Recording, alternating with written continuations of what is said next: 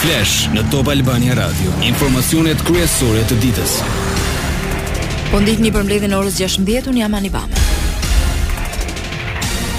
Pa kaluar as dy javë, prokuroria e posaçme antikorrupsion SPAK mbyll hetimet në mënyrë të përshpejtuar ndaj dy prokurorëve Nedna Kuçi dhe Klodian Braho, të cilët akuzohen nga gazetari Adriatik Doçi se kanë devijuar hetimet dhe kanë shpërdoruar detyrën pasi kanë fshehur provat kompromentuese për ish-zëvendës kryeministrin Arben Ahmetaj. Gazetari Doçi denoncoi fshehjen e emaileve nga kompjuteri i Klodian Zotos, që vërtetonin pagesa disa mijëra euro për hotele të paguara për llogari të Arben Ahmetajt, si dhe bashkëjetueses së tij Erjola Hoxha. Në njoftimin e spak thuhet se ndaj dy prokurorëve është vendosur mosfillimi i procedimit penal duke argumentuar se hetimi vijon i ndarë në katër akte të tjera. Në hetimet prej 13 ditësh për këtë skandal ku është përfshirë Ahmetaj, Spak nuk sqaron nëse janë bërë verifikimet në kompjuterin e Klodian Zotos dhe a janë përfshirë këto fatura për ish-ministrin e Ekonomisë. Fermerët që prodhojnë vaj ulliri do vazhdojnë të jenë në kërkim të tregut për sa kohë Ministria e Bujqësisë nuk punon për të garantuar eksportin e produktit cilësor. Ekspertja e vajit të ullirit, Oneida Kyçyk. Problemi në Shqipëri çalon sepse ne duhet patjetër të kemi infrastrukturën e analizave që të plotësojmë standardet. Vaji i ullirit mund të karakterizohet në në disa në disa kategori, është ekstra i virgjër, i virgjër dhe lampant. Në Shqipëri ne nuk e bëjmë dot këtë, pse nuk e bëjmë dot këtë kategorizim të vajit të ullirit, sepse ne na mungon pjesa më e rëndësishme, ne nuk bëjmë dot vlerësimin, sepse vlerësimi organoshqisor është ai në të cilën mund të bëjë karakterizimin e vajrave.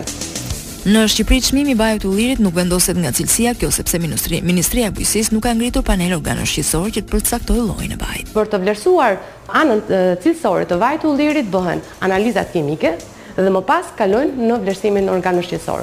Në Shqipëri sot që po flasim nuk ka një ekip në cilën mund të bëjë vlerësimin organoshqisor të vajit të ullirit. Në bazë të cilësisë që vendoset, ekstra i virgjër, i virgjër dhe lampant, ndryshon dhe çmimi. Si do shitet vaji i ullirit shqiptar? Me ça me ça kategorie?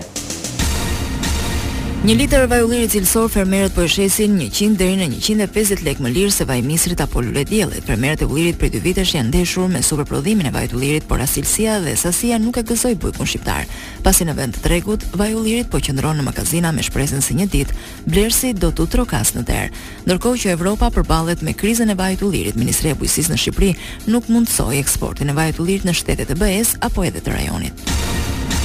Ministrja e Bujqësisë Frida Krifca u pyet nëse është duke u gjetur një zgjidhje fermerëve për shitjen e vajit të ullirit. Sipas saj, shkak është mungesa e strategjisë. Janë rreth 10 milionë rrënjë në të gjithë vendin, të cilat herë pas here janë mbjellë pa një strategji dhe pa një planifikim të qartë, të cilat sjellin më pas mbiprodhim në momente të caktuara, e cila nuk është shoqëruar njëkohësisht me strukturat e përpunimit.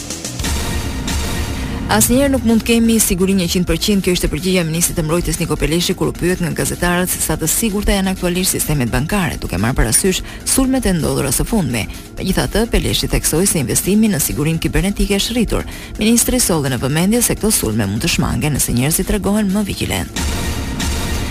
Pika kufitare e Kapshticës është përballur me një fluks të lartë lëvizje. Në territorin e Shqipërisë janë regjistruar mbi 4000 hyrje dhe 2800 dalje në drejtim të Greqisë. Udhëtarët kanë vendosur të rikthehen në vendin e tyre për të kaluar festat e fundvitit dhe deri tani nuk ka pasur problematika. Gjithashtu rritje e lehtë është konstatuar edhe në Qafë Thanë, ku kanë hyrë rreth 2500 persona. Situata është menaxhuar dhe nuk ka pasur radhë në pikat e kalimit kufitar. Protestë para ambasadës së Serbisë në Tiranë, të nxitur nga situata në veri të Kosovës, qytetarët u mblodhën duke kërkuar zgjidhje me veshje kombëtare të trevave të ndryshme shqiptare me flamuj të Shqipërisë, Kosovës dhe Shteteve të Bashkuara. Protestuesit brohoritën slogane si hiqni duart nga Kosova apo Mitrovica është e jona. Qytetarët e mbledhur thanë se po protestojnë kundër politikave destabilizuese dhe luftënxitëse nga Serbia. Aktivistët e shoqërisë civile kërkuan nga qeveria e Shqipërisë që të kushtëzojë marrëdhëniet me Serbinë dhe të ngrijë të gjitha marrëveshjet e nënshkruara mes dy shteteve. Në deklaratën që u lexua para protestuesve, organizatorët kërkuan nga presidenti i Republikës Bajram Begaj të thërrasë Këshillin e Sigurisë. Një thirrje e tillë ka ardhur edhe nga përfaqësues të partive të vogla opozitare në vend. Lajme nga bota.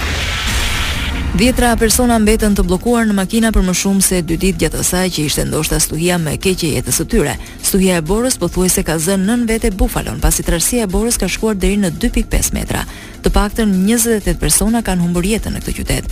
Ndërkohë, në total, në të gjitha zonat e prekura nga stuhia janë pesëdhjetë e gjashtë viktima. Presidenti amerikan Joe Biden miratoi një deklaratë emergjente që lejon mbështetjen federale për shtetin e Nju Jorkut. Zemra ime është me ata që humbën të dashurit, shkroi ai në Twitter. Më shumë viktima pritet të zbulohen ndërkohë pasi të nisë të shkrijë dëbora. Stuhia dimërore e quajtur cikloni bombë nga sinoptikanët ka sjellë borë të dendur dhe erë të rrallë si dhe ka ndërprerë udhëtimin nëpër SHBA. Parashikimi i motit. Edhe orët në vazhdim do sjellin në të gjithë vendin tonë kalime të dendura vranësirash, por nuk do ketë reshje shiu, sa i përket temperaturave ato luhaten në vlera ditore nga 3 në 18 gradë Celsius. Këtu ka përfunduar edicioni i radhës shënon ora shtatëmbëdhjetë. Kjo është Top Albania Radio.